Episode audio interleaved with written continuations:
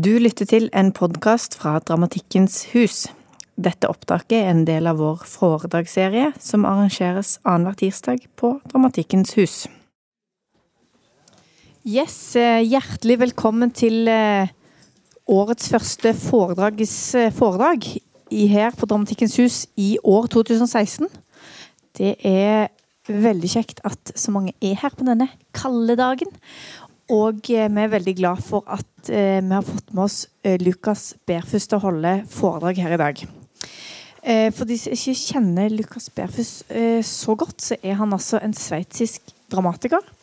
Og han har her i Norge så har stykkene hans 'Bussen' og 20 000 sider blitt spilt på Det Norske Teatret. Og så har eh, Våre foreldres seksuelle nevroser blitt spilt på Den nasjonale scenen i Bergen. Eh, nå i mars så er det premiere på 'Natt i verden', der han bidrar med eh, tekst sammen med David Grieg, Oleg Bo Bogav og vår helt egen Maria Tryti Vennerød. Men i dag er han her for å snakke om eh, Henrik von Kleist. Så eh, ta varmt imot Bärfuss. Thank you.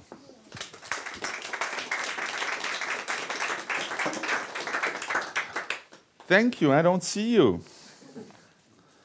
But I hope you see me. Thank you for this invitation and uh, Grüezi Oslo. Um, this is going to be a, a hot ride for me um, to talk about Heinrich von Kleist. The problem is he's very German. Uh, who knows anything about Heinrich von Kleist among you? Okay. So he's uh, world famous in Germany, so. Uh, for me, he was very important, and I want to talk about the reasons why he's so important to me. And I won't give you an introduction in all of his plays because you can, you can have this online. Uh, this is not so um, important to have it here. But um, I wanted to talk about a thing that I think is important for every poet because there is a funny thing about uh, poets and poetry um, in our society because we think that we need the poets and that we need the poetry and the writers and the writings and the books, but we don't know exactly for what we need them. There are some who seeks for just for distraction of the complaints of the everyday life. The other are searching for a critic. And this shouldn't bother us because there are different needs and they can fulfilled differently. But for the government, for the public life, this is a problem because uh, the the government seeks to have regulations. They they need to know what a profession is good for. Like a butcher, he just needs to chop the cutlets and he needs to know everything about hygiene, about um, how to treat animals well. And if you want to know what a profession is good for, you need to have a consent about the benefit of this profession a benefit for all of the community.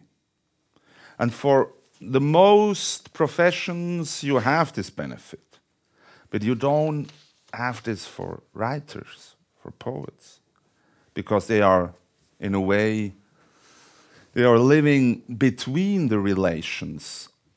And that's the case for the economical situation for me, because one part of my income I gain as a free merchant. I produce a product like the books and I sell them on the market market. And the other part I'm like an actor, you know, I'm performing in public like here tonight. I'm doing lectures and readings. So, and sometimes I got a grant or a prize But um, all of these situations are they, they, they all are irregular for the for the government, and it's not clear what my benefit for the social life is. And for Plato, it was sure there is no benefit at all. In fact, he wanted to kick out every poet out of his uh, perfect state because he said that uh, the, the products, the literature, provoke sensations harmful to the community because they are corrupting the, the better part of the soul, the reasonable parts, and they are um, they are engaged with the with the lower part of the soul. So we don't need them, the poets, in the perfect state.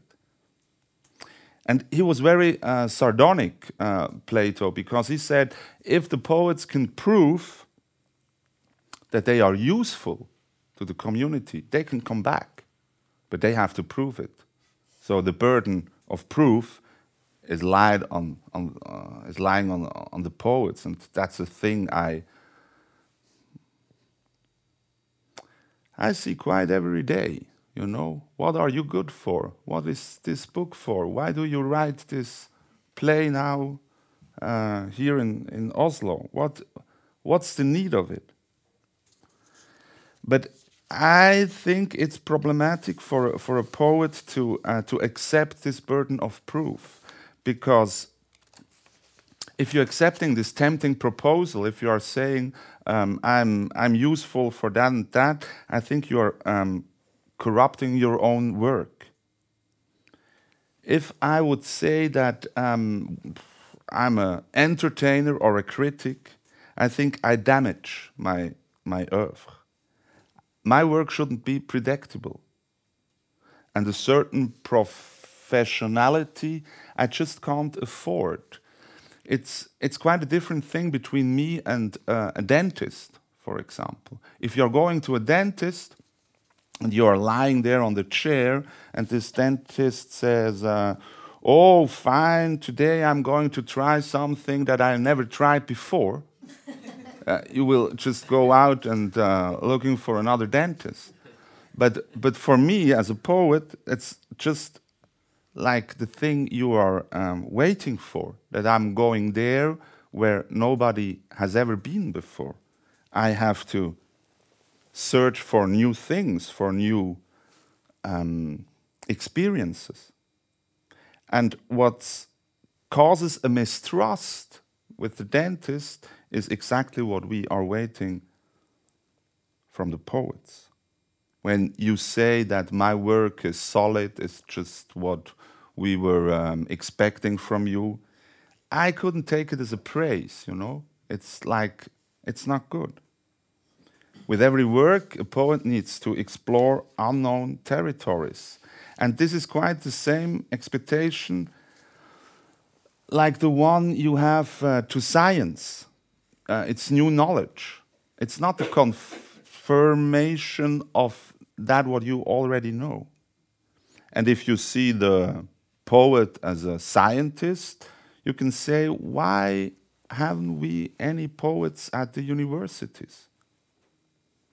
Because as a scientist, the poet is enlarging the zone of experience, and they should have their own fa faculty.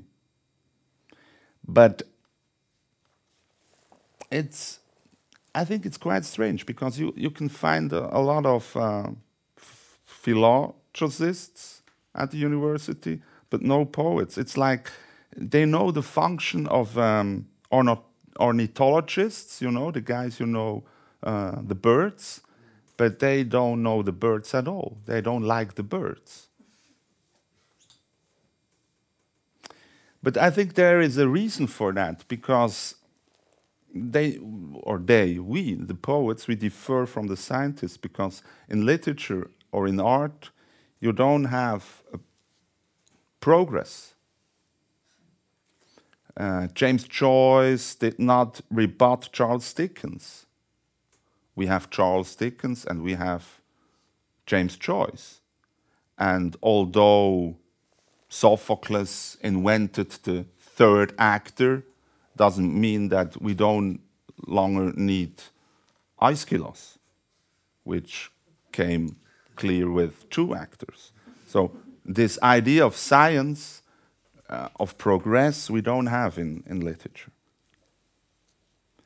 And we can read stories referring to a world disappeared, like Homer. We completely understand Homer, although we aren't uh, riding on a horse in the war or, or uh, coming home to uh, Penelope on a ship. So I think that's the reason because or why the, the, the poets are maybe sometimes accepted at the university, but it's not the home, it's not the place of a poet. And we haven't found out anything reliable about the place in our society for the poets. They are just between. Every time they are between. And there is a, a poet, Heinrich von Kleist, and his life and his work is like as if would have been invented to illustrate the homelessness of a poet and his work. He was born in 1777 in Frankfurt, but not Frankfurt am Main, but Frankfurt an der Oder, right uh, in the eastern part of Germany. And his father died when he was uh, nine years old, and he was a, a child from a from a family with a long uh, military tradition. His father, his grandfather were all officers, and he was brought to a residential school when, at the age of nine, I guess, and with 14, he was introduced to the guards regiment of the Prussian king. So he was a elite soldier at the age of 14. And with only 15, he was in the middle of a war um, at the campaign at the Rhine in 1791, where they were fighting the revolutionary French troops. And with 20, he was promoted to a second lieutenant, which was quite uh, a good thing. And he could have made a career within the military but, but he quit. For the first time in his family, he just quit the army. And he, in a way, resigned every contract he had with the society and began to live a life beyond the social conventions. He traveled through Europe.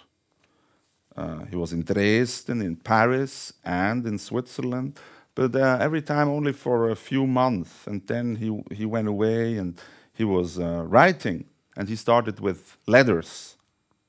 And in these letters, he invented a form of existence that wasn't, the longer the most, wasn't rooted in the reality, but only in poetry. He was slipping out of the world, slipping out of the reality. And he did this with a, uh, so forceful that that he lost every every every tie to uh, to his world. And he tried to uh, to start a, a, career as a scientist. And in a letter, in a really famous letter, he wrote with uh, at the age of 23 at um, to uh, Wilhelmine von Zenge. This was uh, his fiancée he called Newton and Galilei and Pilatre as uh, father figures because uh, they learned out of experience and not out of lecture. And that's just the way he wanted to do it. And at the most important day of his life, he said later, in Würzburg, he just um, went through the city gate. And this is this tremendous picture of this life he wanted to live because I need to explain that. He, he saw this, this arc of this, of this gate, and this ark was built by, by, by bricks, you know, this triangular bricks. And he said, um, Why is this uh, gate still standing?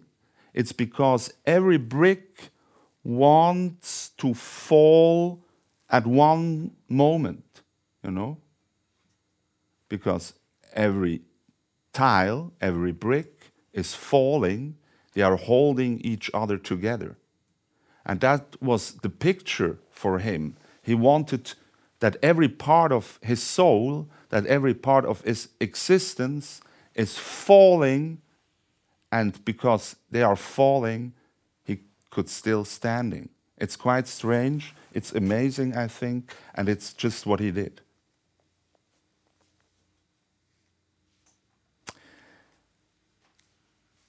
He left Paris, he went to Switzerland, and he um, wanted to live as a farmer at the Lake of Thun. And this is uh, quite a good idea to live as a farmer, I guess. But the moment uh, he chose wasn't the best because it was in the middle of a, of a civil war. The French armies were in, in Switzerland and everybody was revolting against them. And the reason he chose this land was just uh, because it was cheap. He was uh, perpetual broke. He had never had money. So, um, so this land was cheap. And it, it, it's like if you would choose to, to have a, um, a farm in, I don't know, Iraq or so now. Um, so this uh, couldn't work out. Um, and this is a, a thing you can find in, in Kleist's life quite, quite often. He has really a, a silly idea of himself, and he is trying to, um, to realize this, this idea, but in the very last moment, he, uh, he, he gets his conscience back and he's uh, fleeing. He's always fleeing.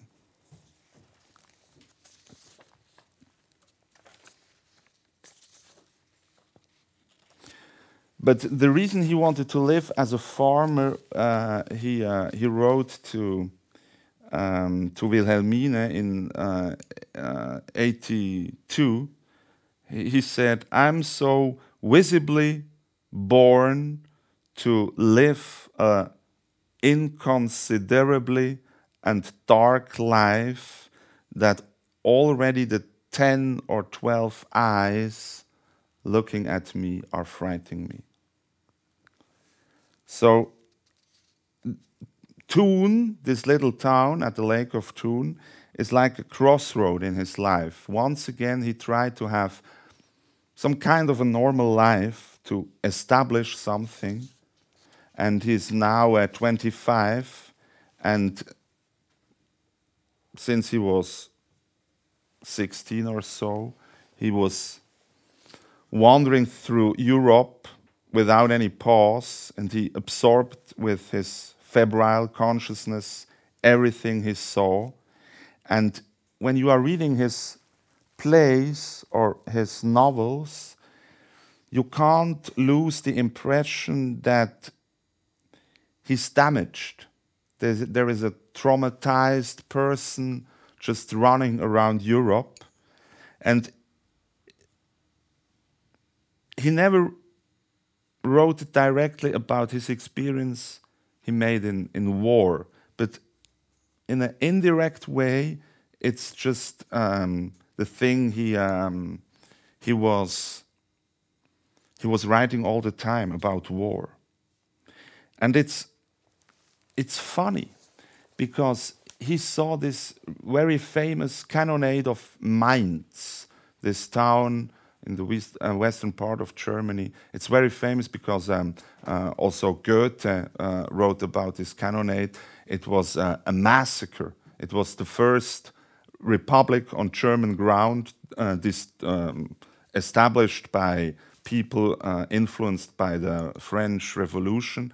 And, and the Prussians came in 91, 1791 and they destroyed everything of this uh, uh, of this city, and they killed uh, seven thousand people. And Kleist was one um, was a soldier in the, in, the, in the Prussian army.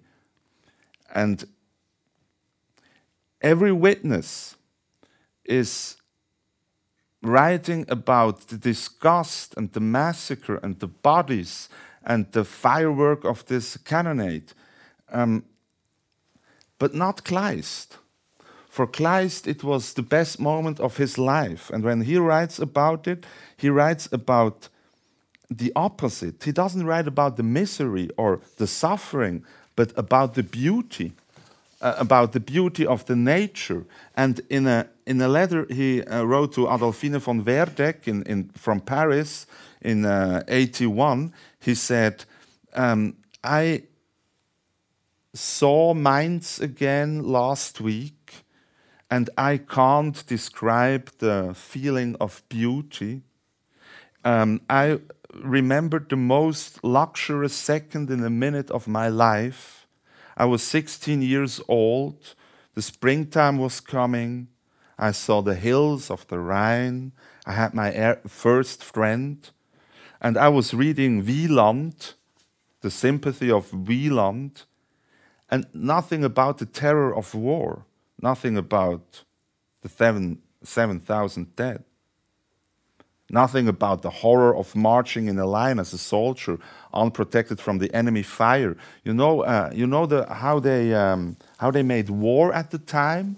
They just had lines, army in lines, and they were uh, throwing the bullets against the first line, and everybody was falling and they were loading the guns and they were firing again. And you just have to go on marching. And when you reach the, the enemy line, uh, it was just um, uh, the bayonets, you know, the knives on the, um, on the rifles uh, deciding the, the, battle. So it was uh, carnage, it was just a massacre, it was a butchery, in fact.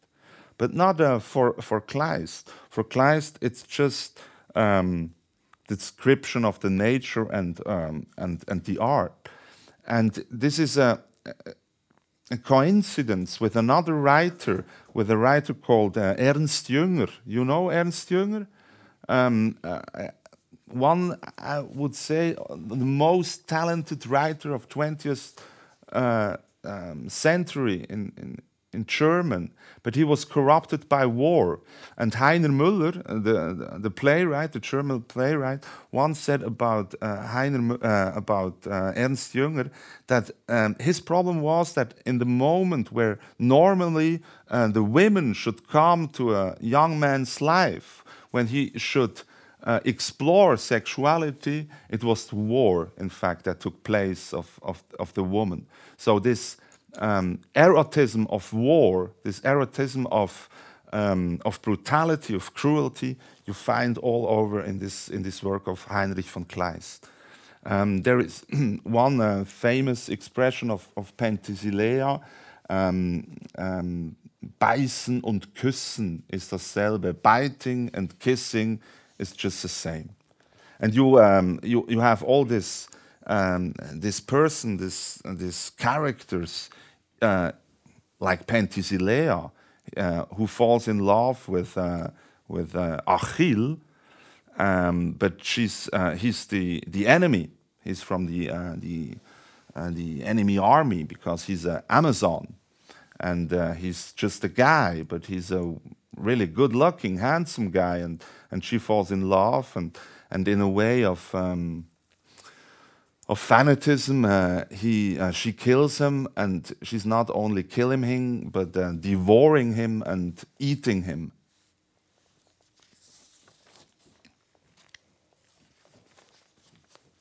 And this um, relationship to, to, to women um, remained problematic for Heinrich von Kleist, really. Um, and I think the, the letters he wrote to his uh, fiancée, Wilhelmine von Zenge, are the most bizarre letters in, in German literature because it's not, uh, it's not a woman he sees, it's like a, like a castle. And he, or he, he treats her like a property or as if he were the occupying force and she the occupied fortress. And um, I can't translate this letter, but you just have to believe me that um, if you read that, you, you, you don't think that this was um, a normal or sane person writing this, these letters. Not really. And in fact, that's also the reason because he's so. Um, he's canonized in a way, uh, Heinrich von Kleist. He's, he's a part of the German speak, speaking canon, and some of the, of the plays and some of the novels uh, are, um, are part of the, of the education of every kid. But there are some parts, they are just too strange and too perverse and too bizarre and um, almost uh, he was uh, uh, often criticized by uh, by women, by women writers recently, uh, um, by um, uh, how is she called? what's her name? Anyway, so he's he's still he's still a provocation. And it's not for me. It's not the thing, but I will come to it later on um, what what's really interesting, what interests me, this um, he was a, a child soldier. That's that's for sure, and he's he's uh, searching for something that ties him to the world, and he never finds him. Not in Thun, where he tried to live as a farmer, and he quit it after some months because he fell in love with a with this. Um, young girl, age 13 or so, and he had to leave Thun, and he went to Weimar as a completely, uh, yeah, he was, he was a, a wreck. He was, um, he was a lunatic at the moment, and he went to uh, Weimar, which was the capital of the of the cultural life in, in Germany, where, where Goethe was and he tried to, to write a, a play, Robert Guiscard. He, he never finished it.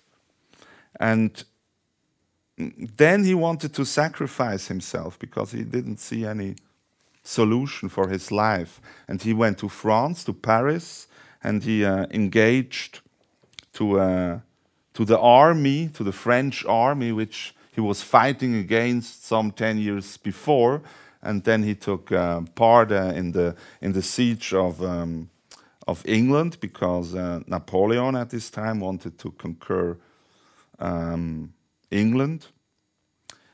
But at the last moment, he cancelled the war, and that was the moment uh, when uh, Kleist had a complete breakdown, from which he never recovered again. From then on, he was really a broken man. And this is also one of these really great miseries of him because only then he was ready to write the really important plays and the novels like Das Käthchen von Heilbronn, Amphitryon, Penthesilea, der, der zerbrochene Krug, uh, Michael Kohlhaas, Das Erdbeben in Chile. It was all after this big breakdown.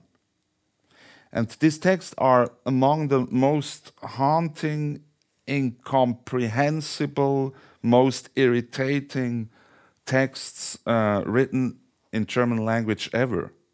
And it's, it's like he discharged his afterburner for the last time, and he wrote this plays for, um, for the last seven years. He was in, in, in Berlin, and at in November 1811, he um, went to the lake uh, Wannsee at Berlin with his friend Henriette Vogel, and he um, shot a bullet through her chest and one through his forehead in November 1811. And also, this suicide is is like a performance in a way. It's uh, like a piece of art because he was with her, but her role is quite um, unclear. but he was designing this suicide in a way.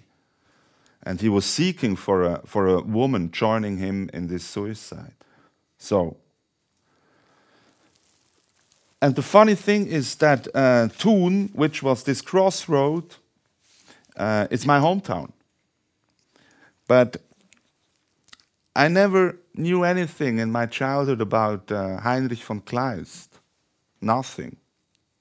And it's not so astonishing because his works aren't that uh, educational. You can't teach a kid anything out of this, uh, of this man or how, how he lived. And it's also a problem because uh, if you have, uh, I don't know, a, a, kid and you force him uh, to, uh, to read one of these plays, this, this is really torture because you need to sit still for a very long time to enjoy the twists and turns of this very complicated language. And I don't see if you can see a pedagogical necessity um, out uh, to force young kids uh, to this to this reading. And furthermore, there is no prototype or no example for this language. It's completely artificial.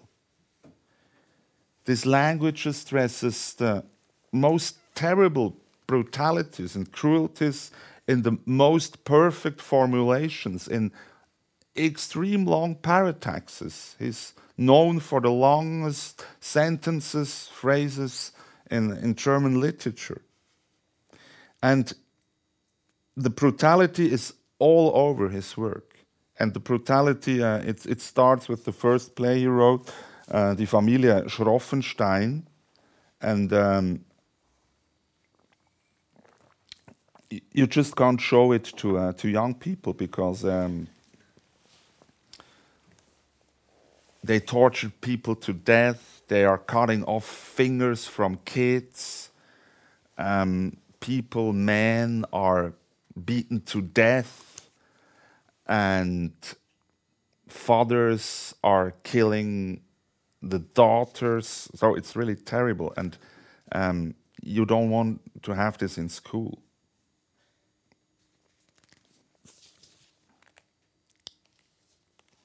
And the other thing is, I, I grew up in a time where everything was changing in the 80s. Man, the world we were living in was tearing apart in a way. And, and our teachers tried to learn us something about the place, about, um, about the situation or the place we should take in this society. And I'm coming from a um, yeah, I would say the lower third of the of the society, and the the only thing we could uh, we could have in life was just a bad job in a bad company, and they were forcing us to accept this. And if you are reading a Kleist who was fleeing from from everything uh, reliable in life, it's just the opposite that, that the teacher wanted to to show us. And the drugs came in town, and um, and we were living on the streets, and our parents were just no good people. And uh, and Kleist were he was just he was not social enough in a way, but. Uh, but there is another thing, another thing that relies me to to, to Kleist, and this is very strange because I have two pictures, two photographs of my of my father. The one is um, the the picture in the in in the train ticket taken just some weeks before his death, and the other one is a picture.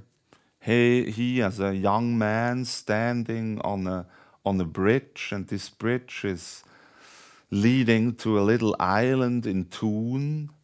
And this island, in fact, is the island where Kleist lived. So I always had this how do you say this this this picture that my daddy is standing between me and the theater or between me and Wilhelm uh, and Heinrich von Kleist. And maybe I have to tell you the story why this is so important to me because my my my father was the, the black sheep of the family. He was a he was a villain. He was a, he was a criminal. He spent uh, most of his life in in prison. So um, there was a taboo about my daddy, and uh, this taboo um, remained for all of his life. And I didn't knew anything about my daddy except the stories they were told, not told, but just whispered in my in my family about him. And then when I was uh, 26, I quit quitted my, my job as a as a bookseller and I wanted to be a writer. And I didn't know anything about uh, how becoming a writer, and I, I just wanted to be one. And um, I went to, uh, to Cameroon, to Africa. Um, I was traveling around up in the north. And when I came back to the south, I found um, a message from, from Switzerland that um, my daddy has died, my real one, the villain the criminal. But this message was four weeks old because I was up in the north. And I thought, okay, I don't have to, um, to, uh, to change my flight back home to, to Switzerland because he's already buried. The funeral has taken place. It's just too late. You don't have to go now. So you can wait till January and then uh, you will see uh, what happened. And I went home in January and I made some phone calls um, to, to his sister, his brother, and they said, uh, "No, we know nothing about uh, a funeral. We were waiting for you because you are the eldest son. Uh, it's not uh, our." Um, We don't have to do this. So the thing I um, um, I had it to do was I had to um, to search for the body of my of my dad, dead daddy. daddy. I was calling every hospital in uh, in Bern where he died. Um, have you the ashes of my um, of my of my daddy? And uh, after seven or so uh, phone calls, I, I found him. So, and I think this, uh, all this story or, or the liberation it, it, it gave me, because in every grief is also a liberation that um, was the starting point for me to be a writer. I started with, uh, with 26 and um, the death of my of my father was in a way the starting point. So maybe it's too exaggerated to say that my daddy on this bridge is standing between me and literature, between me and Kleist, but there, there is um, a truth in it. Because all of a sudden, I had a story or a history of my family. And to have this history allowed me to write in a way. I never wrote about him, but just to know that it could be possible that I have this story to, to uh, discover uh, was just enough. And it wasn't the grief or it wasn't the that I understood that I was within a story I don't understand completely, that there are forces um, pushing me around in my life um, and stories, secret stories, which I could never discover because everybody was keeping silence about him.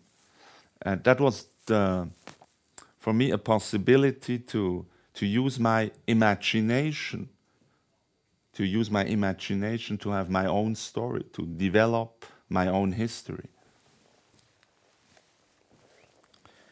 And to see what um, what's a destiny or what's a fate.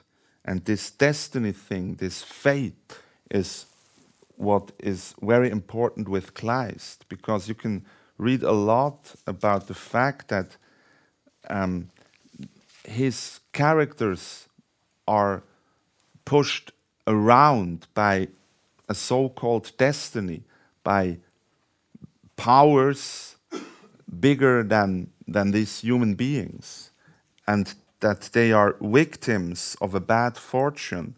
But I don't agree. I don't agree that they are victims of a bad fortune. And what he discovered, Kleist, wasn't that much uh, um, about uh, destiny, but about a mechanism in, in human communication. Because he discovered that we are born psychologists, like uh, a philosopher called Daniel C. Dennett called it. And I have to talk about the assumptions we make about each other. And we presume that everybody has an assumption about ourselves. And we are always checking if these intentions for us are lethal or benevolent. If you are a friend of mine or an enemy. We share this with every living creature, but human beings are going further, much further, because we are the only one who make assumptions about assumptions. We are checking if the neighbor knows what we are really thinking of him. And we speculate if he knows what we know, that he know what we know, what is he really thinking, you know? Uh, does he know that it was me who left the garbage in the floor? And does he know that I know that he knows that I know that he knows that it was me? So you are checking um, um, the assumptions he makes. And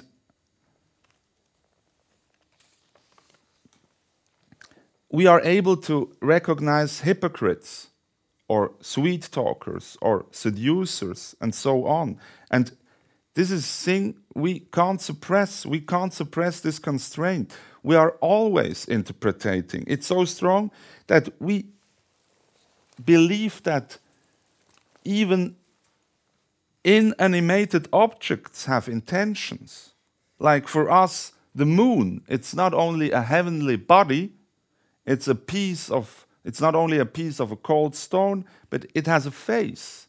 And not only a face, a smiling face. And Kleist now says that what,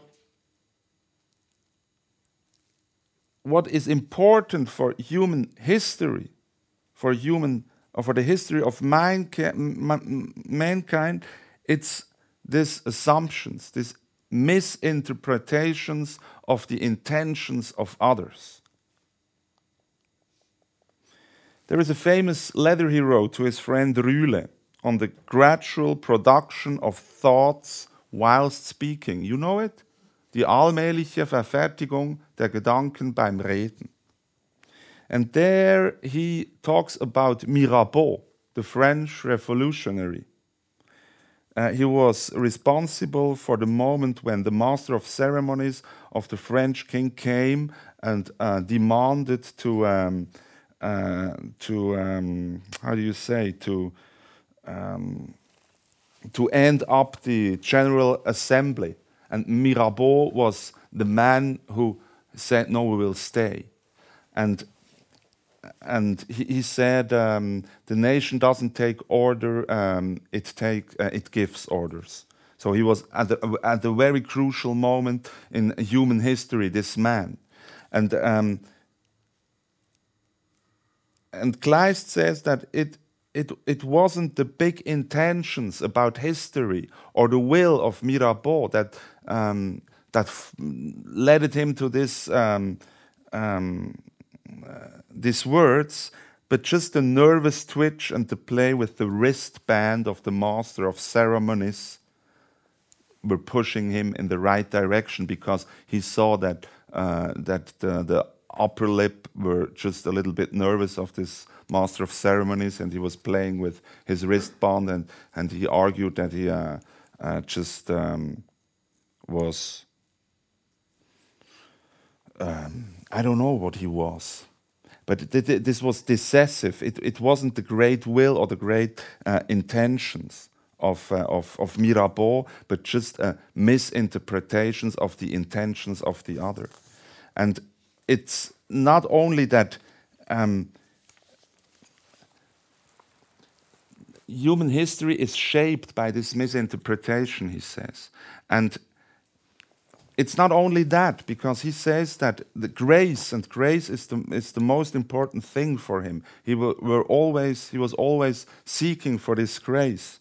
And this grace is only possible when you are not willing when, when, when you are when you don't have any ambition only a thing with no ambition can be uh, can be gracious that's very important for him and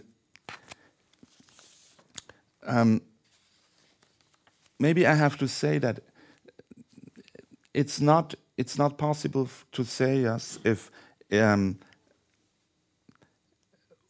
which influence who is important for our decision is really crucial. If it's the big idea we have about the world or just the last meal that causes heartburn.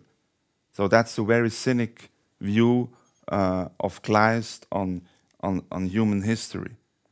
And uh, a casual movement of the hand can provoke disgust or a unconsciousness blink of the eye can cause love and that is was and that is very important and the grace is always and uniquely undesigned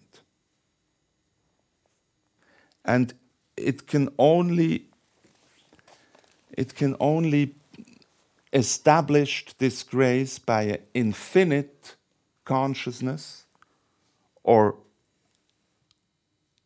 of a consciousness with no spirit at all.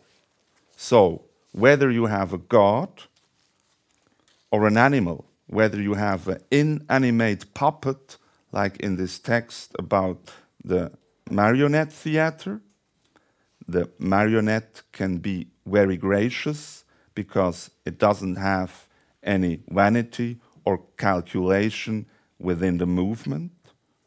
Or the bear who is fighting against um, uh, what's the name? Um, uh, a sword fighter, you know, and the sword fighter is trying to um, to trick him, the bear, you know, like with fints and with all his uh, capability to uh, to fight. But the bear is a bear, and he don't make this thing with the assumptions. He doesn't think that the other one has any intentions. He's just reacting on the things he, he sees and feels. So that's why he will always uh, be uh, stronger than, uh, than the sword fighter.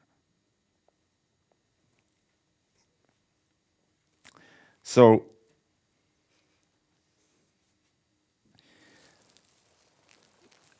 and because he has this very cynic and pessimistic view on on social development or on um, historic development because he doesn't believe that you can really design your own destiny. He's turning uh, toward the uniqueness of a human being.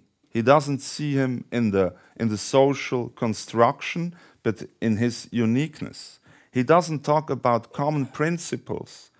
Um, and paradoxical, this is one of the reasons his place and text remains fresh because human behavior doesn't change that much.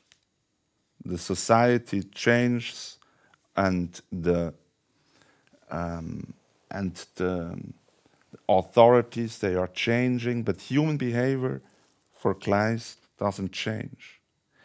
And he says that it's not only this misinterpretation that is the cause for human development. He says that only by misinterpretation our, our society can function because every time someone is insisting on a true emotion, on something that is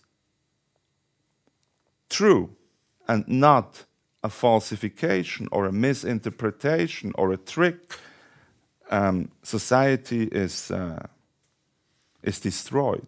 You see this in Käthchen von Heilbronn because she insists on her devotedness, or Michael Kohlhaas, uh, the story of a man uh, who was treated badly and unfair, and he insists to have revenge for this um, for this unfair thing because two of his horses uh, were stolen and nobody cares about it, and he burns down all, literally the whole country, and at the, at the end he was uh, uh, beheaded because he was insisting that his emotion of this unfairness is true.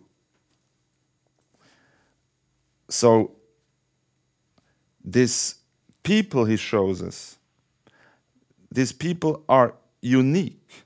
And because they are unique, they are not in a social coherence. They are in an empty space in a way.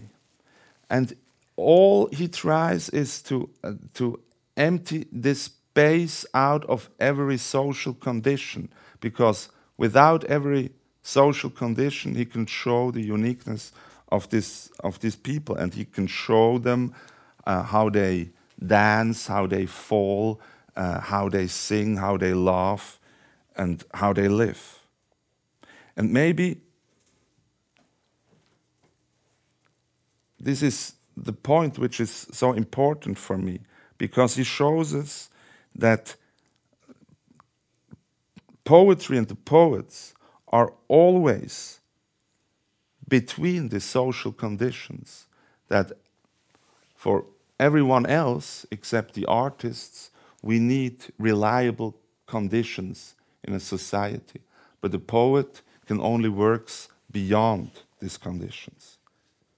And only if you accept that there is no reliable thing in the society or a thing you can really uh, you are depending on it's the uh, it's the moment you can transform yourself and i think this metamorphosis is the thing that um, that literature is is all about so he doesn't give his characters uh, a structure or uh, a social embedment because he wants to show them in their metamorphosis.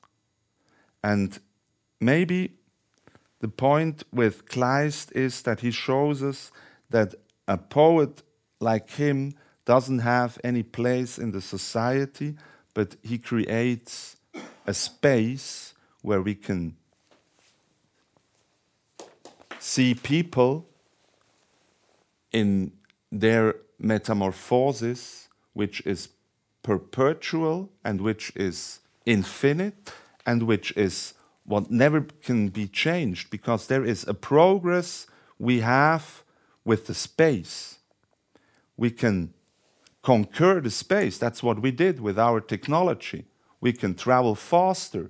We can, uh, we can call um, I just called uh, my kids um,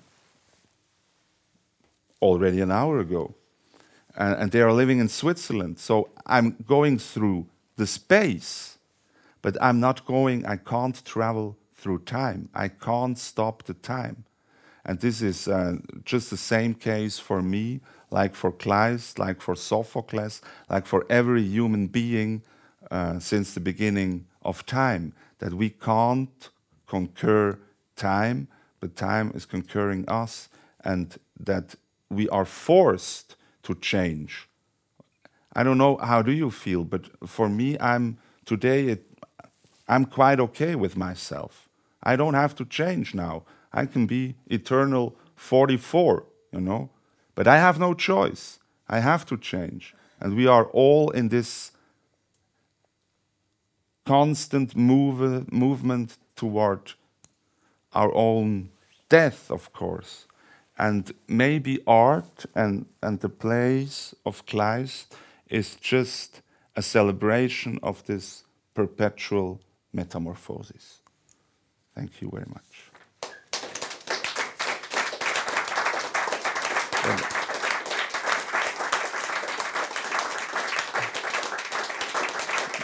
Thank you very much.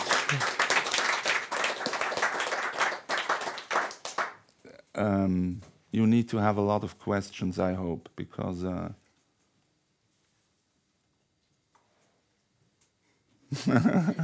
yes, please.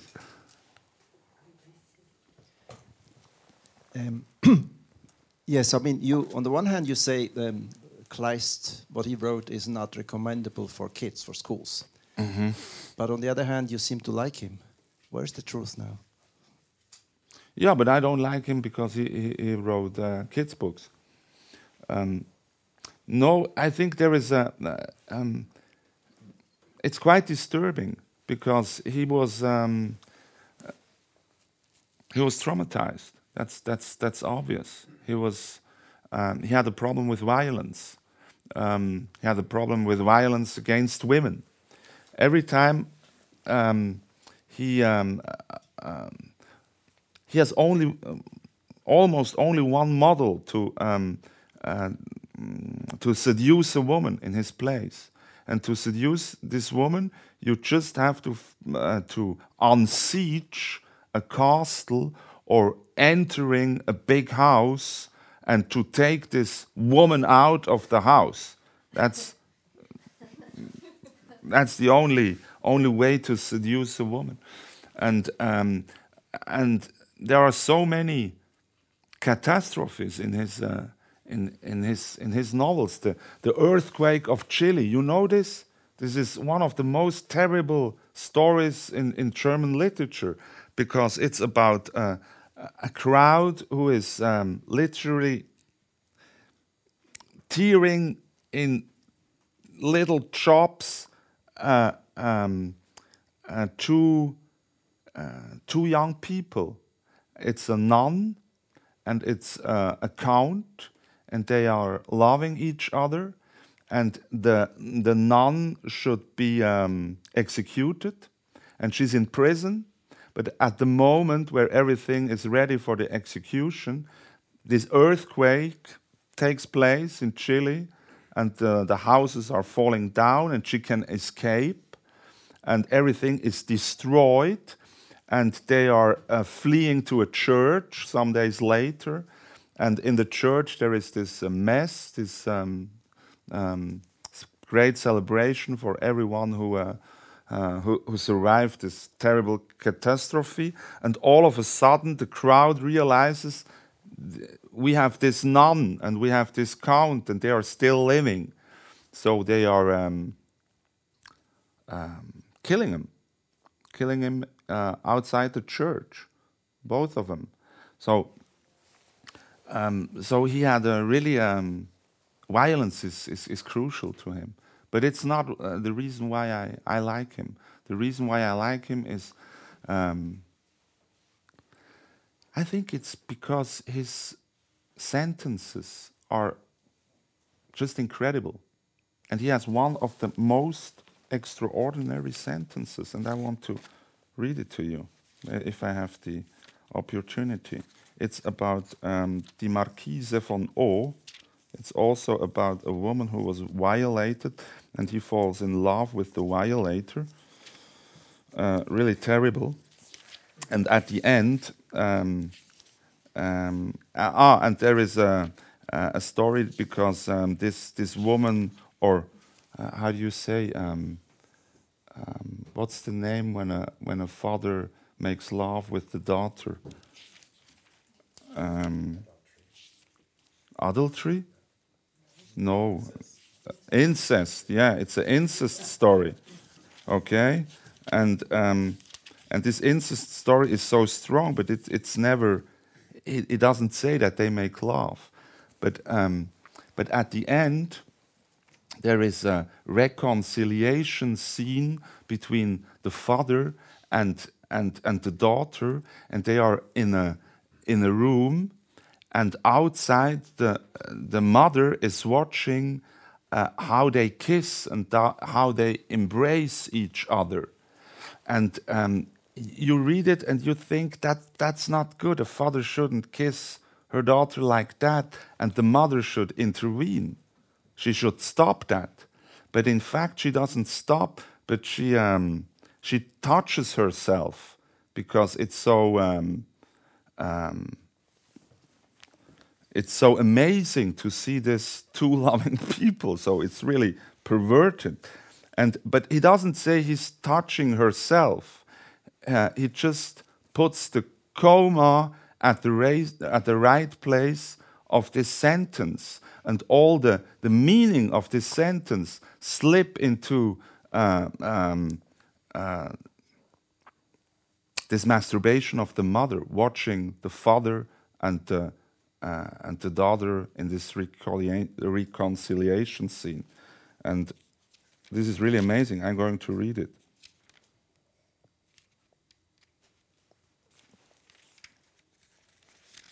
Ah, and at the end, yeah.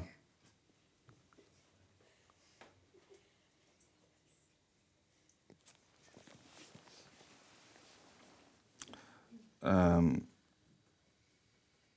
sie vernahm, that's the mother, da sie mit sanft an die Tür gelegtem Ohr horchte, ein leises, eben verhallendes Gelispel, a little whispering, das, wie es ihr schien, von der Markise kam, und, wie sie durchs Schlüsselloch bemerkte, saß sie auch auf des Kommandanten Schoß. She was sitting at the bottom of the commander, the father. Ähm, was er sonst in seinem Leben nicht zugegeben hatte. He wasn't okay with that. She couldn't uh, do that. Darauf endlich öffnete sie die Tür der Mother und sah nun, and she saw, und das Herz quoll ihr vor Freuden über, and, and the, the heart were just um, um, überquellen. What's the word for überquellen? I don't know. My English is not that well. Yeah, absolutely. Uh, uh, of joy. Die Tochter still mit zurückgebeugtem Nacken, like that, with the eyes closed, lying in the father's arms, in des Vaters Armen liegen, indessen dieser auf dem Lehnstuhl sitzend lange heiße und lechzende Küsse, long and hot and um, passionate kisses, das große Auge voll glänzender Tränen, the big eye full of, um, of tears, um, pushing on, his, on her mouth, just like the, a lover, gerade wie ein Verliebter. Die Tochter sprach nicht, er sprach nicht, she didn't talk, he didn't talk.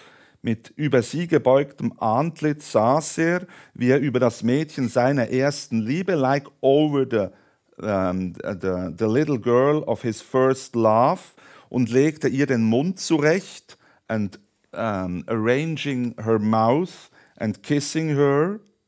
And then this most amazing sentence in German literature. Die Mutter fühlte sich, Komma, wie eine Selige, Komma, ungesehen, wie sie hinter seinem Stuhle stand, säumte sie die Lust der himmelfrohen Versöhnung, die ihrem Hause wieder geworden war, zu stören. So, ähm, die Mutter fühlte sich, Komma, wie eine Selige. Without this comma, it's die Mutter fühlte sich wie eine Selige. That means the mother uh, felt like a saint. But it's not that. It's die Mutter fühlte sich, and that means the mother was touching herself like um, not like a saint, but like a, um, a selig is what selig? Um, um, holy people are are selig because they are just passed away. you know? So, and it's only that, it's only that, you know. And I don't know. In, in school, it's quite difficult because it's so. You can say, okay, it's just a reconciliation between a father and uh, and um, and a daughter, but at the end, it's it's uh, it's even uh, more terrible because she's marrying she's marrying uh, marrying the uh, the violator uh, from whom she got pregnant, and at the evening, um, the the commandante, the father, is inviting him um, with the daughter to his own um, sleeping room. So you know, we can make it so. It's really, yeah, it's disturbing. It's still disturbing, absolutely. And these are really the most beautiful sentences and phrases in, uh, in German literature, and this is uh, undisputed. Everybody agrees.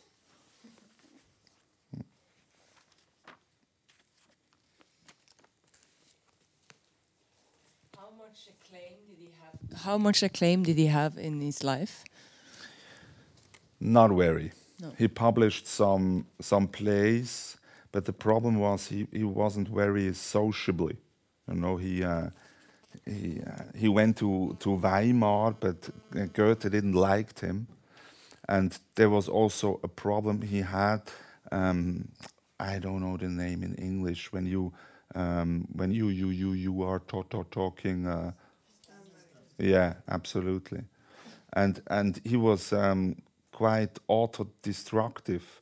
He, he had he had a good chance to uh, for a for a, for a journal in, um, in in Berlin. He was invited to to join um, and, and the editor, the board of editors at, at a good literary magazine at the time, and um, but he um, just messed up with Hardenberg, and Hardenberg was the most powerful man beside the king.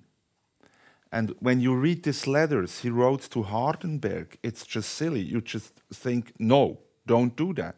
You will, uh, you will kicked out of Berlin. You will destroy everything you have now. And um, so he, um, he wasn't too able to follow a career because he wasn't able to, to get into the society. He was just not normal.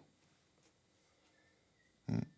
And that is also as a, as, a, as a role model, he's not very good, you know. I can't do that as a writer. I don't want to be kicked out of, uh, of the society and commit suicide at the, at the little lake with a, with a beautiful woman. So.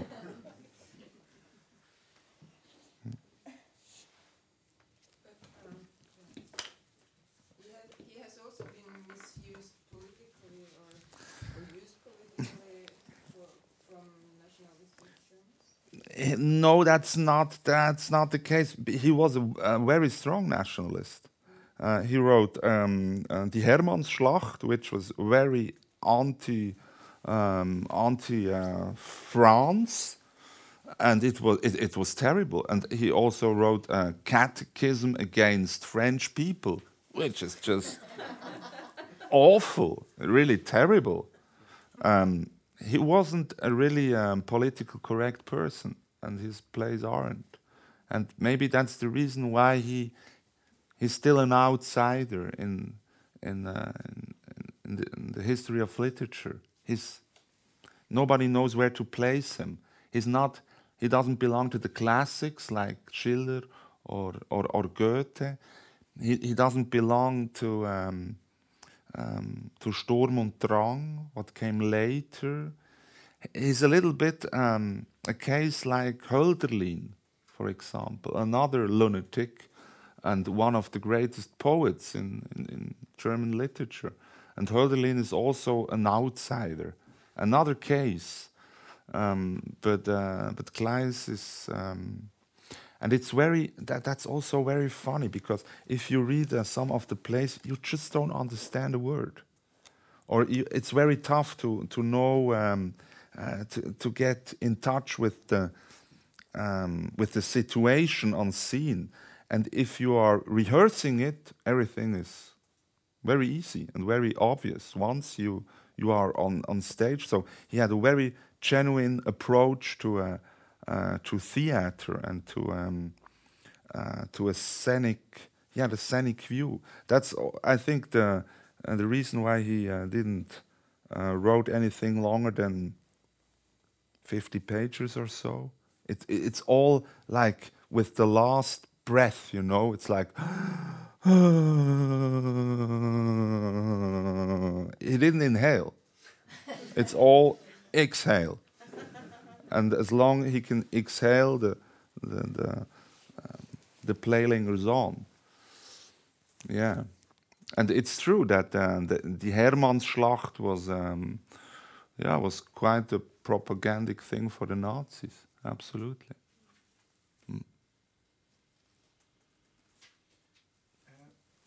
I I was wondering where did he learn to command the the language that he mastered so well, being a soldier and a That's very good young question. man. I don't know. Nobody knows. It's like the, the same misery or secret or obscure thing with Shakespeare. Nobody knows. Or with um, Droste Hülshoff, or also with Büchner, or with Hölderlin, or with Homer. You know? Nobody knows because they are not in a line in a way. And that's also a very funny thing. It, it seems like that that uh, some poets they are just jumping in a way. It's like a quantum uh, Quantensprung, you know.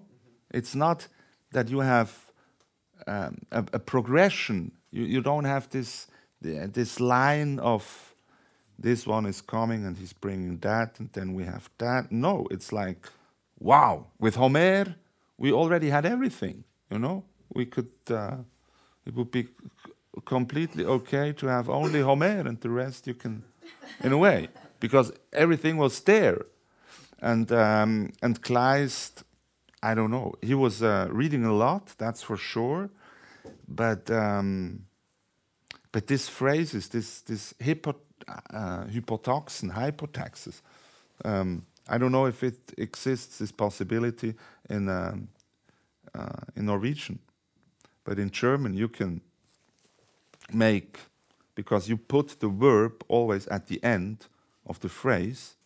You can uh, build within the phrase another phrase, and within this other phrase another phrase, and another phrase, and another phrase, which leads to phrases long as a whole book. And you can end uh, this book with the verbum related to the beginning of the book. So, and that's what he does. And what's so interesting with this uh, method is that you you are not defining your sentence until the last word. You know, in French, but which is very complicated for, for my wife, which is French. Um, you just have to say the verb at the beginning. And you are defining everything of the sentence, of the phrase, of the text right in the beginning. And then you can add things. But Mark Twain once said that um, in German, you see the writer disappearing in the mud of his language until he uh, reappears again with the verbum in his mouth. so so uh, that's. that's a little bit uh, that's the thing he does and and you don't and that's also because it's it's like the method of uh, writing a thriller because you can't stop reading this sentence until the very last word because otherwise you don't get the meaning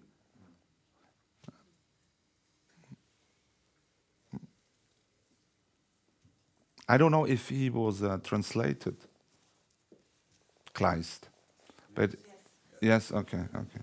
But if I can recommend something now here uh, for the next week, start maybe with uh, with Kohlhaas, with Michael Kohlhaas, which has the most wonderful beginning, I I think, really, because it shows, in fact, all of his poetics in uh, in in two lines. Where do we have it?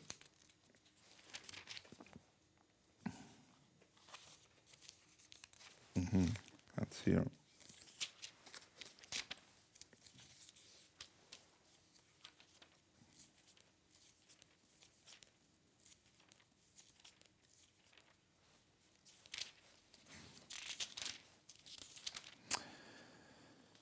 An den Ufern der Havel lebte um die Mitte des 16. Jahrhunderts ein Rosshändler namens Michael Kohlhaas, Sohn eines Schulmeisters, einer der rechtschaffensten zugleich und entsetzlichsten Menschen seiner Zeit. And this is really what now? Was he a decent man or was he the most terrible man? And that is what he shows every time that uh, you have this very decent person acting like criminals and otherwise.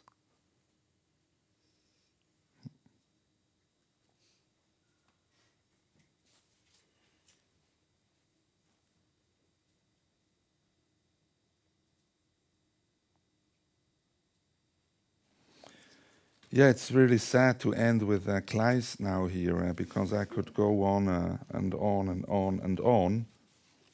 But maybe you have uh, one last question, so it is. Uh, okay.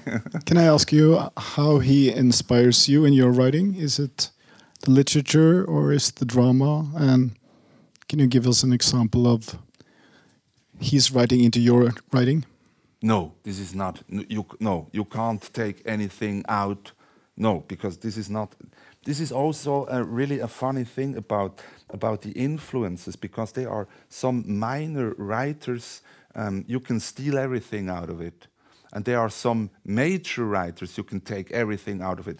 Um, for example, Shakespeare. You you just can take every trick he he, he does on on on stage um, because Shakespeare is very easy in a way. Uh, he um, how do you, how can I explain it? He is he is not too shy or too uh, he has not a, um, he's not too shy to to take the lowest and most primitive scenic trick to get the action back in a movement again you know he just he just takes a man and he puts it in women's clothes or he takes a bat and, and he uh, throw it on a on a head of someone so it's it's it's really it's really easy in a way and and Kleist Kleist doesn't work like that. It's it it, it doesn't has there is no movement in a way. It's it's um, um, from Lessing you can learn a, a lot about the structure, how to build a, a play, what's an act, or what's a scene, or what's a dialogue. But Kleist, he's just, he's not into it. This is our own universe, and, um, and the rules of this universe only work in this specific universe. And you feel it with the, with the first sentence. So this is pure um, admiration for it, but you can't take out any any of it. Maybe um, you can see that um, you shouldn't be afraid of your um, of your deepest angst in a way, because he's dealing with the most dark, darkest emotions you can have, and um, maybe that's that's a good thing. You can take him. If Kleist did something terrible, I can do something terrible as well, and it will be not that terrible like Kleist. So he's like the benchmark in a way. So, on that, that's good to have. But he paid um, every every line with uh, with his blood. That's that's obvious. And um, no, he's no role model. Shall we make that the final word for this wonderful evening? Yes. Yeah. Okay. Thank you very much. Thank you.